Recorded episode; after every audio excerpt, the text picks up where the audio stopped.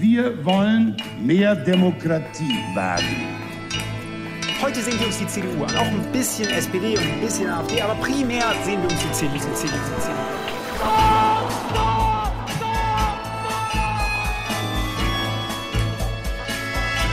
Niemand hat die Absicht, eine Mauer zu errichten. Ich weiß, ich habe heute Morgen in den Spiegel geguckt und dachte, wer ist denn die Hotte Bitch? Werden schon in wenigen Jahren blühende Landschaften, blühende Landschaften geworden sein. Früher waren wir Lametta. Wir haben so vieles geschafft, wir schaffen das. Herzlich willkommen til Tyskerne episode 96 med Ingrid Brekke. og Kai Schwind. Hallo, hallo. Som dere kanskje hører, har vi litt forskjellige lyd igjen. eh, Og det er fordi jeg sitter i Oslo på kontoret mitt. Og Ingrid, du, ja, hvor er du? Jo, jeg er på et hotellrom i Halle i Saksen-Anhalt i Tyskland. Herregud. Så du er i det landet vi har snakket om i tre år. Helt fantastisk.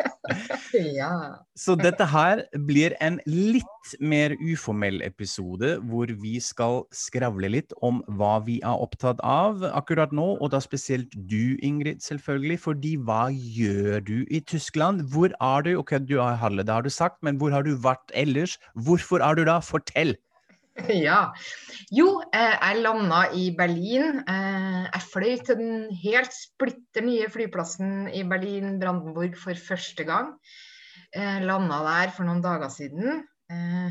Tok taxi med en helt vill taxisjåfør inn til Prenzloverberg. Han kjørte altså så innmari fort. Og, et, og så spurte han eh, Nei, også, men jeg tenkte jeg har som sånn prinsipp at taxisjåfører de er proffe folk, og de stoler man jo på, så jeg sa ingenting. Og så etterpå, når han hjalp meg ut med bagasjen, så spurte han da syns du det var litt fort. og så sa jeg ja, jeg syns det var litt fort, men jeg velger å stole på drosjesjåfører. Og da kunne han fortelle meg hvor mange kilometer han kjørte i året, og at dette hadde vært helt trygt. da. Så det var veldig fint. Og så var jeg i Prenzlauer Berg, i min eh, favorittbydel i Berlin, og da bevegde jeg meg bare rundt i kanskje fire kvartaler i de to og en halv dagene jeg var der. Ja, så det var bare nydelig, nydelig, Okay. kjempefint. Ja. Jeg har allerede så mange spørsmål, men vi skal prøve å fokusere oss litt. fordi, litt, ok, Et spørsmål. Hvordan er det på den nye flyplassen? Hvordan er det å lande da? Funker alle rulletrappene? Hvordan, hvordan er det? Ja. Det var helt strøkent. Mhm. eh, og det var også sånn at eh, for de som sitter og lurer på hvordan det er å reise med eh, i koronatid Jeg var jo da dobbel Altså jeg er ferdigvaksinert og hadde Ja. skaffa meg dette koronapasset som, man, som er sånn EU-universalgodkjent. Det måtte jeg vise ved innsjekkinga til Norwegian. Eh, gikk lett som en plett, altså i Oslo. Og så i Tyskland, ingen som spør om noe. Det var bare rett ut, da. Mm Eh, Så det var veldig lett. Og den nye flyplassen var veldig blank og fin og godt skilta, og alt var kjempelett. og den er jo ganske stor, og foreløpig så er det, så vidt jeg har skjønt, så er det altså to terminaler som er ferdig. Én en av dem som er i funksjon nå, det er jo pga. pandemien, da. Og så den gamle, og det er da terminal 1 og 2 tror jeg det er, og at det er to som er i funksjon nå. Og så skal den gamle, altså tidligere Schönfeldt flyplass, den blir etter hvert terminal 5. Ja. Så får vi se hvordan det blir med de to andre terminalene, om det blir bygd eller ikke. da. Men det jeg så nå, det var i hvert fall helt eh, skinnende. og ja. Så sånn sett kanskje bra at det er fortsatt pandemi, så de får litt lengre tid og sakte, men de venne seg til alle de folkemassene. Ja, Ja. det er veldig fint. Så er du i Prenzlauer Berg, ja, som du sa, det er jo din favorittbydel. Eh, Hvordan var det da, sånn apropos korona, hvordan er stemningen? Altså, Jeg har vel aldri sett Prenzlauer så stille som nå. Kanskje januar, på en måte, eller ja, etter, etter jul på vinteren. Da kan det jo også være ganske stille, for da sitter jo alle inne. Men nå føltes det veldig um, fredelig. Altså på en måte godt da, når man kommer dit. Jeg liker jo fred og ro, jeg, men, men det er klart det er jo ikke helt bra med tanke på eh, Mange steder har ikke gjenåpna ennå, kanskje noen ikke eh, kommer til å gjenåpne i det hele tatt. Uh, og så tror jeg det er veldig spesielt i Prenzlauer i forhold til andre deler av Berlin, fordi mange som bor der nok egentlig er, kommer fra Skandinavia eller USA eller altså ikke sant, Det er en slags det er ikke en representativ bydel. Det er nok mange ikke-berlinere som bor der sånn delvis og sånn. Og så er det jo veldig en sånn turiststed også, så jeg tror det er ikke så Føles ikke like tungt Ja. andre steder i Berlin, tror jeg. Så det var nok litt spesielt. Men, Mm. men man kan jo virkelig se pandemieffekten, tenker jeg jo. Så det er, har du sett at det er også steder som har stengt, og, eller har kanskje gått konkurs og sånn? Ser, ser man det, eller?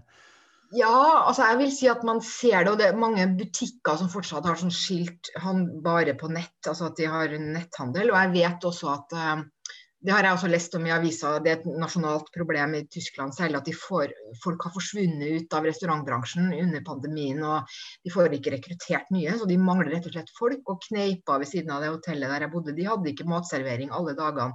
For de klarte ikke å få tak i folk til å jobbe på kjøkkenet. Oh, ja. Og så er jo den triste nyheten, der har jo vi vært også Kai, og spist frokost sammen, er jo at Bar Gagarin eh, er lagt ned. Men jeg vet jo ikke Ja. hva det er. Om det er De er jo eid av øh, Jeg vet at de som eier det, eier flere steder. Jeg vet ikke om det er noe de bare ønsker å gjøre, eller om det er en sånn pandemikonkurs. da. Men Mm. uansett er det jo kjempetrist. Ja. Der var det jo disse flotte veggmaleriene av kosmonauter og Ja. alt dette her, så det er jo da borte, da. Så Det var- syns jeg var også trist, uh, trist å høre. Ja. Ok, så du har vært eh, litt i Prenzlauer Berg, litt i Berlin, har fått denne Berlin-fiksen din, som var kanskje litt mer ferie, og nå har du allerede sagt nå er du i Halle. Plutselig, litt uventet, det er Ja. steder. Eh, vil du fortelle litt hvorfor du er der? Fordi nå blir det jo litt mer jobbsnakk, kanskje? Ja, nå kjenner jeg at jeg blir litt uh, svett her, fordi nå skal jeg fortelle at jeg skriver bok. Uh, Juhu! ja, Det er jo ikke første gangen jeg skriver bok, da, men det er første gangen jeg liksom sier sånn til eh, Du vet det jo fra før, selvfølgelig, Kai, men til alle våre lyttere og sånn i offentligheten. Nå er det eh, real, nå er det en ting, nå er det i verden. Jeg skriver en bok Mhm. som handler om tysk politikk. Um, og um, tanken min er at i Norge vet man altfor lite om Tyskland sånn som det er akkurat nå. Så det skal være en bok. Kan ikke si uten historie, det vil jo være meningsløst. Man må jo alltid Mm. ha litt bakgrunn for å forstå. Men hovedpoenget skal være å fortelle hvordan Tyskland i dag fungerer, og spesielt av det politiske systemet og sånn. Eh, så dette er jo mitt favorittema, det vet jo folk som pleier å høre på oss. da. Så det er en enorm glede. Jeg har kommet et godt stykke på vei, og tanken er jo at boka skal komme etter det har blitt en ny regjering.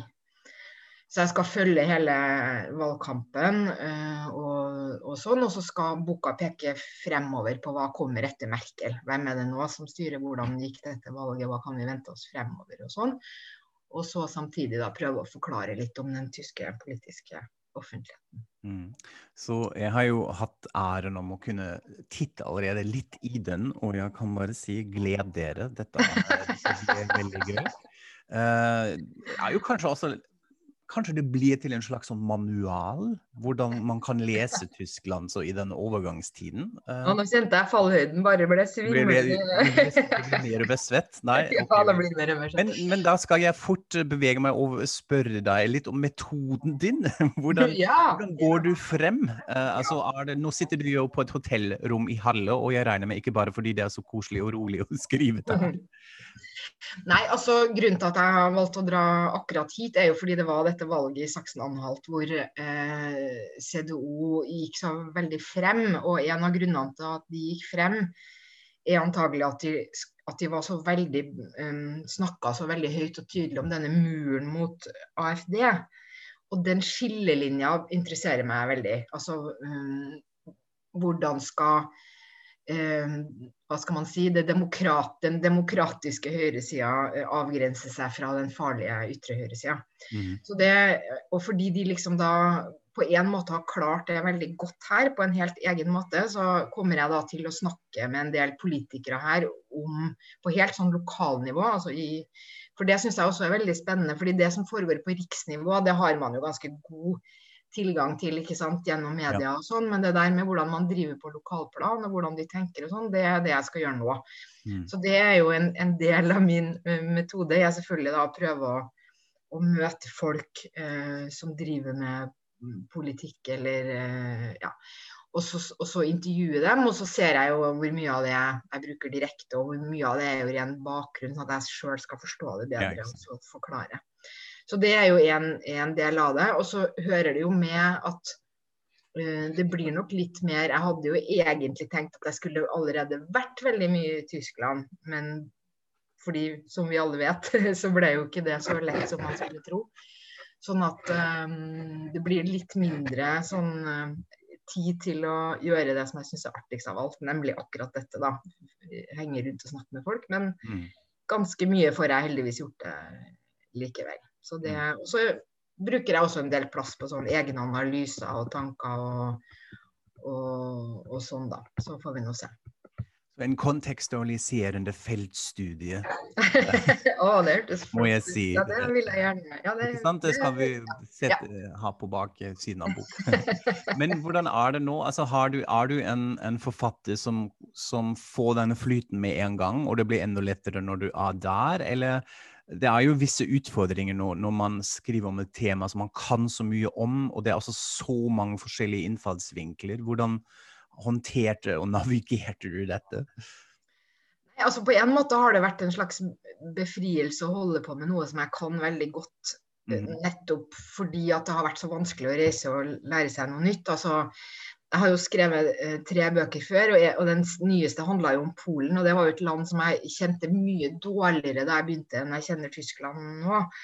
Og, og den hadde jeg jo nesten ikke kunnet skrevet, tror jeg, pga. pandemien. Men nå har jeg jo nettopp kunnet brukt en del tid på å systematisere og, og skrive ned det jeg kan fra før. Da. Så sånn sett har det, har det jo vært eh, ganske greit. For det er noe med Det er et slags dilemma for meg, kjenner jeg, at jeg vil jo alltid gå videre. Jeg lærer jo masse nytt hele tida, og så vil jeg gå videre til det som er nytt for meg og mest spennende. Mhm. Men leserne mine har jo ikke vært inni mitt hode, så jeg må jo også forklare det grunnleggende hele tida. Og der ligger jo Det har faktisk kanskje vært lettere å få til fordi jeg har vært mye mer hjemme og sittet ved skrivebordet, da. Så får vi se om det Ja, men da tror jeg kanskje at jeg ikke klarer å Nei, nå blir du nervøs. Ja. Nei, men, men tusen takk at du delte, det må man jo si. Jeg, vet jo hvordan det er. Dette dette er jo en veldig sårbar prosess.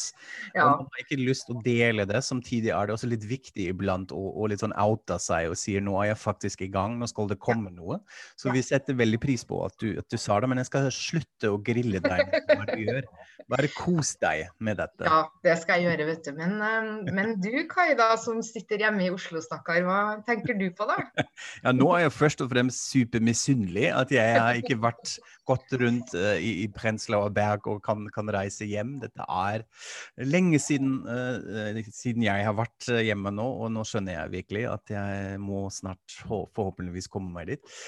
Men det blir ikke noen Tyskland-tur for meg. Jeg henger her i uh, Norge. Det blir Norges ferie. Men jeg følger jo med uh, hva som skjer, selvfølgelig. Og akkurat nå ja, jeg er veldig opptatt av eh, De Grønne, og spesielt Anna-Lena Baerbock, eh, og hvor dårlig hun gjør det. Som jeg tenkte vi kan snakke litt om, fordi jeg vil også selvfølgelig gjerne høre hva du syns. Men uh, sikkert noen av lytterne våre som har fulgt med da òg.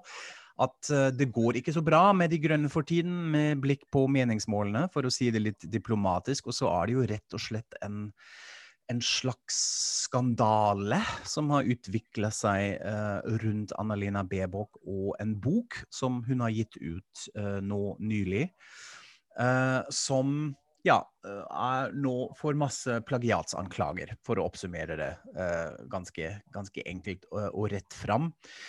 Eh, og dette er jo litt morsomt, fordi det er jo en slags forlengelse av siste episoden vår, hvor vi snakker om doktorgradsjuks, eh, og prøvde også å komme litt inn på hva er det med disse tyske politikere som tror at de kan bare slenge ut en doktorgrad, og så er det masse plagiat og juks og fuks, eller hva det heter.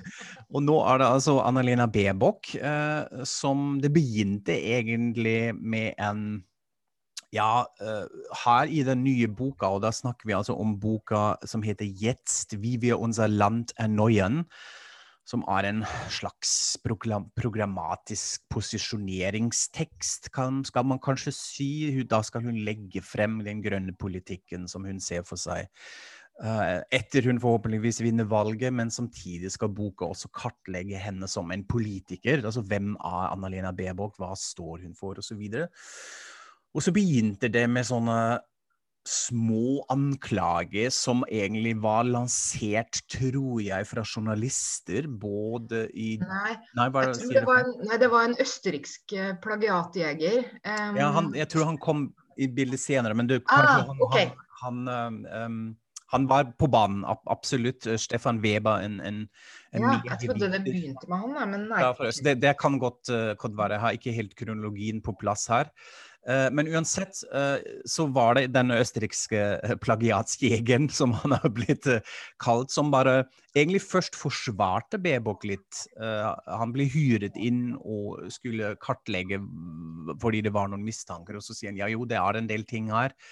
Men dette er eh, litt vanlig praksis, i anførselstegn. Men så oppdager man mer og mer, og så begynte han også selv å snu og gå veldig hardt ut mot henne. Og så eskalerte dette litt, for det meste i Bildzeitung, litt i Die Welt, som kjørte mange artikler rundt det, uh, gravde frem mer og mer.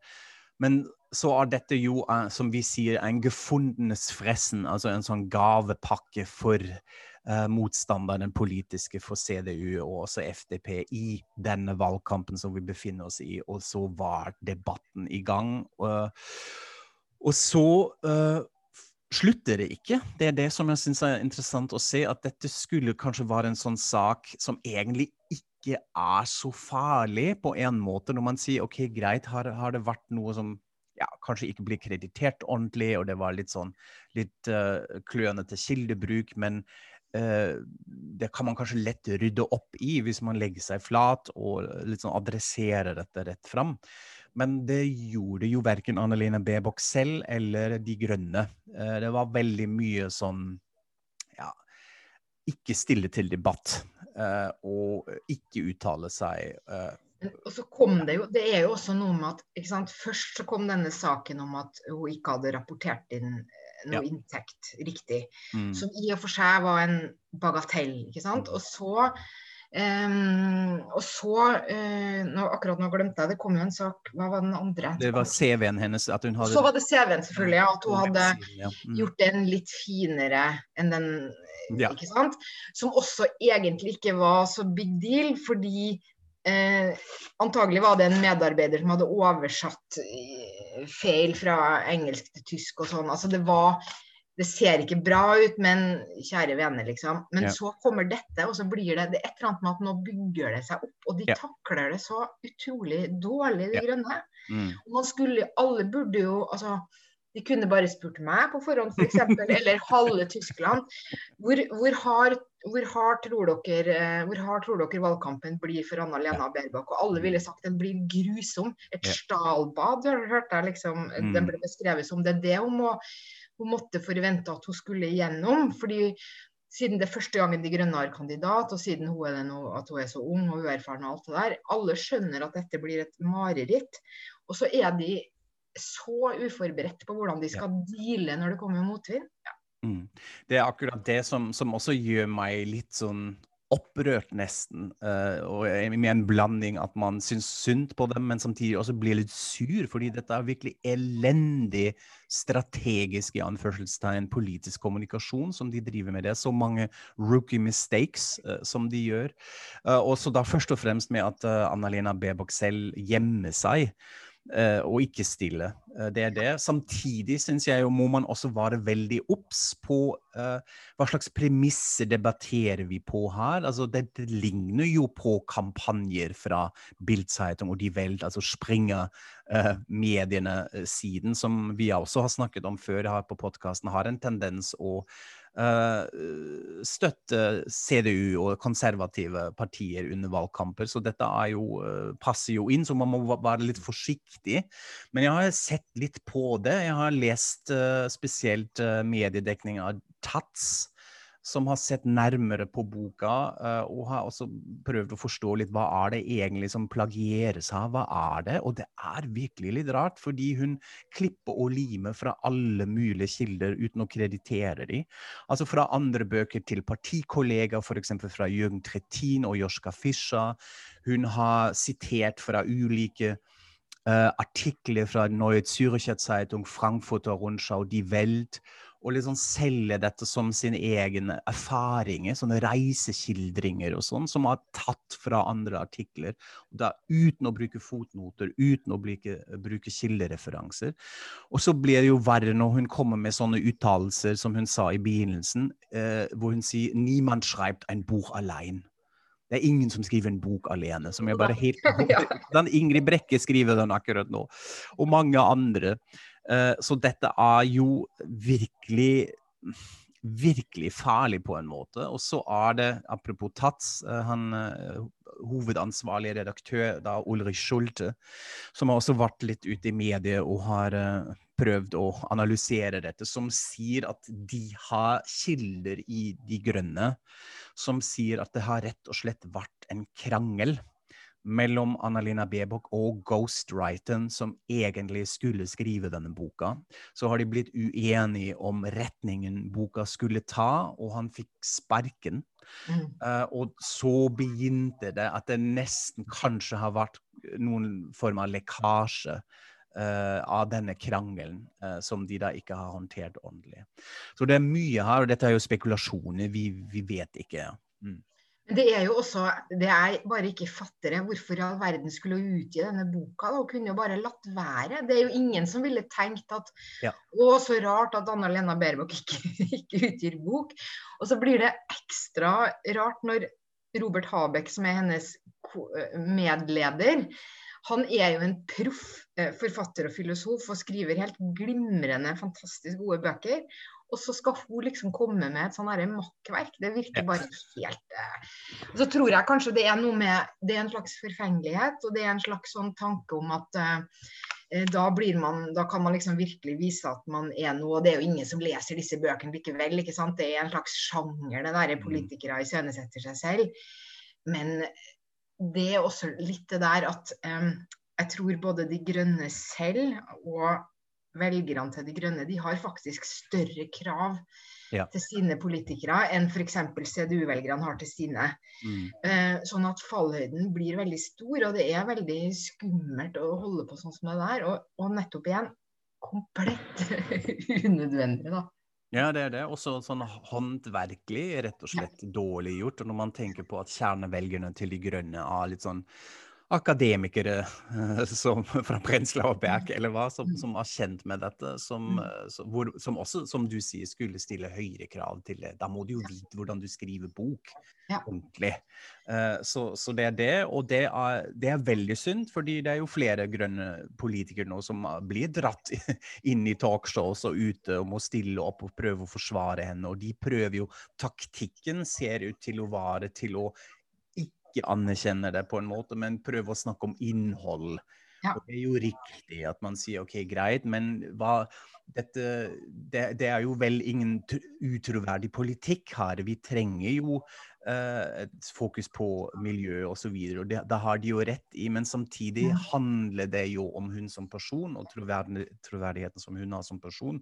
Så da gjør de hele saken en bjørnetjeneste, og det er veldig, veldig synd. Ja, fordi jeg, jeg så litt på Morgenmagasin uh, ARD i dag, um, og der hadde de dette som tema. Er det sånn at valgkampen nå er styggere enn før. fordi det er jo mange som begynner å mm. snakke om det. Også presidenten har jo vært ute og sagt at han frykter at denne valgkampen blir sånn, et sånt gjørmebad. Eh, og da er jo nettopp det, denne kampanjetendensen mot Baerbock Eh, altså, fordi Det hører jo også med til historien her at f.eks. en sånn svær næringslivs lobbyorganisasjon har rykka inn annonser i haugevis av medier hvor de iscenesetter henne som en sånn forbudsskikkelse. Mm. Moses, og ser ut som Moses som holder sånne steintavler i armene, og så står det alle mulige forbud på. ikke sant? Mm. Så hun har sterke krefter mot seg. Det har også blitt snakka om at uh, man er jo også veldig opptatt av i Tyskland fra, fra sikkerhetstjenesten og sånn at valgkamp kan bli manipulert, eh, bl.a. fra Russland. Og da er det de grønne de først og fremst er ute etter det. ikke sant? Sånn at alt dette kan leses inn i dette bildet. Men samtidig er jo også valgkamp skal jo være hard og tøff.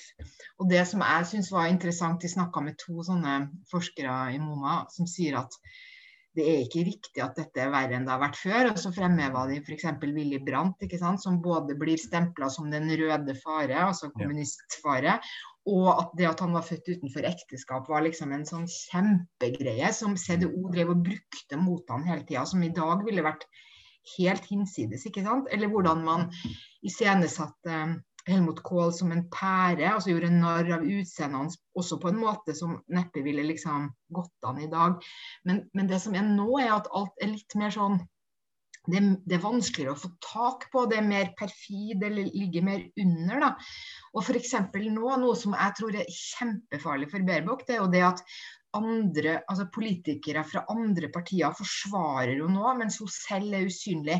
Og Det gjør jo at hun blir som en sånn liten jentunge. eller altså Akkurat det derre at hun er ung og kvinne og alt det der. Det er nettopp den, det, det bildet blir forsterka når mm. andre sier 'å, stakkars Baerbock, nå blir hun utsatt for ting', og hun selv ikke er der. ikke sant? Så det, det er mange sånne mm. bilder som kan feste seg uten at Eh, uten at det er fordi partiene driver kampanje mot hverandre, men det er liksom måten det mm. hele eh, blir drevet frem på, eller et eller annet som er vanskeligere å se, men som er like skadelig. da. Ja, så jeg tror det er en helt riktig analyse, og at det er rett og slett denne strategien som man har valgt, som ikke har fungert, nemlig på en måte å støtte seg på en sånn slags Zeitgeist-bevegelse, Fridays for Future. Nå er det de unge, nå er det en sånn momentum ja. i landet. Vi bare rir på denne bølgen uten å være litt obs på, på, disse kantene og flankene som muligens åpner seg. Og det andre er at man som egentlig har en veldig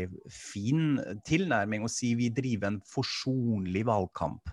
Vi skal stå sammen, vi vil inkludere. At dette muligens var litt for naiv.